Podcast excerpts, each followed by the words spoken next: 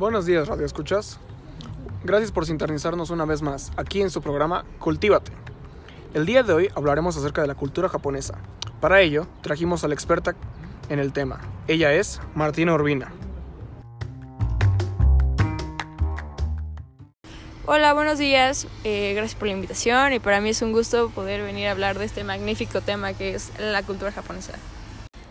Al contrario, Martina, es un orgullo para nosotros que hayas aceptado nuestra invitación. En fin, el día de hoy hablaremos un poco acerca de la cultura japonesa como habíamos mencionado anteriormente. Sin embargo, nos concentraremos en un solo tema. El libro La tumba de las luciérnagas. Martina, dinos, ¿quién es Akiyuki Nosaka? Bueno, Akiyuki Nosaka fue una de las figuras más relevantes de la literatura japonesa. Él nació en la ciudad de Kamakura en 1930 y falleció en el 2015 en Tokio. La tumba de las luciérnagas fue una de sus obras más reconocidas internacionalmente y algo muy interesante de él es que no solo fue escritor, sino también fue cantante de música pop. Muchas gracias por la información brindada acerca del autor. Ahora bien, ¿de qué se trata esta obra? Por favor, compártenos con nosotros. Yo también me di la tarea de leerla. Sin embargo, creo que tu opinión es más precisa al respecto. Bueno, el libro La toma de las luciérnagas nos habla de lo difícil que fue la vida para dos niños durante la guerra. Quedaron huérfanos. Su padre pertenecía a la marina, por lo tanto tuvo que partir, dejando así a cargo a la madre de los dos niños. Posteriormente, la madre y los dos niños tomaron caminos diferentes, los dos niños por su cuenta y la madre se quedó en un refugio. Sin embargo, las personas del refugio sufrieron las consecuencias de un bombardeo. Cuando los niños hallaron a la madre, se dieron cuenta que estaba en graves condiciones y que no podría sobrevivir. Sin embargo, Seita, el hermano mayor, se lo ocultó a su hermana pequeña, Setsuko. Seita actuó de una manera muy madura pero por dentro le dolía muchísimo el fallecimiento de su madre. Pero no quería que su hermana se preocupara y se entristeciera por este hecho, entonces se lo ocultó. La madre fue incinerada en una fosa común junto con muchos otros muertos. Seita cargó la caja de las cenizas durante un largo tiempo. Posteriormente, una viuda, que era una pariente lejana, se hizo cargo de los dos niños. Sin embargo, nunca los trató muy bien. La viuda le contó a Setsuko sobre la muerte de su madre y constantemente le decía a Seita que no era lo suficientemente responsable.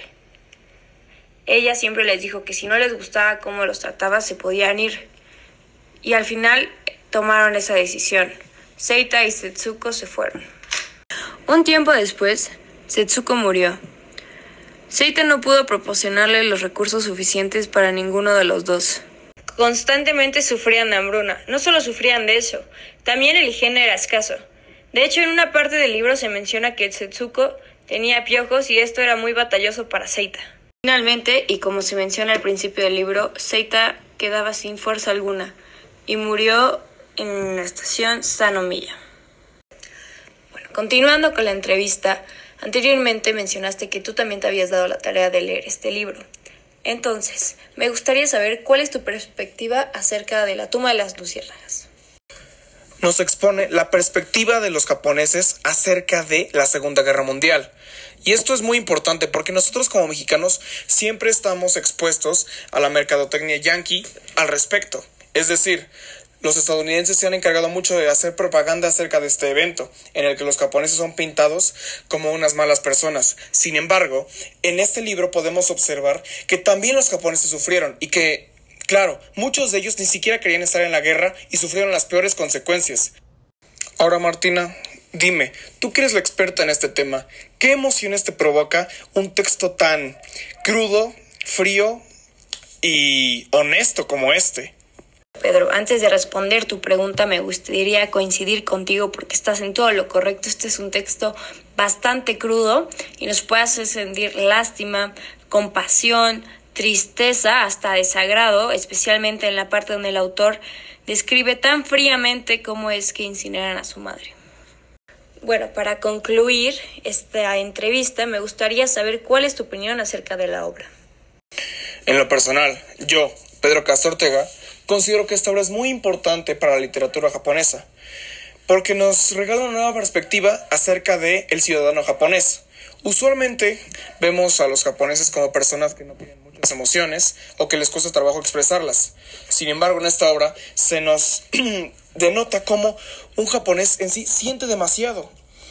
El protagonista atraviesa un camino muy duro de pérdidas tanto de su padre, su madre y al final su hermana. Esto nos deja ver cómo es que un japonés sufre y no puede expresar sus emociones.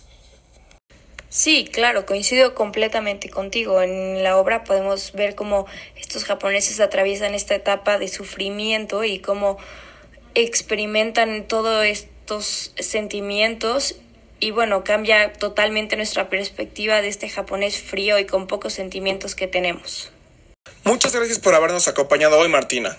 Espero que esta invitación haya sido de tu agrado. No, muchísimas gracias a ti. Fue una experiencia inolvidable y me dio muchísimo gusto poder venir a platicar de este magnífico tema que es la literatura japonesa. Gracias por todo y espero vernos pronto.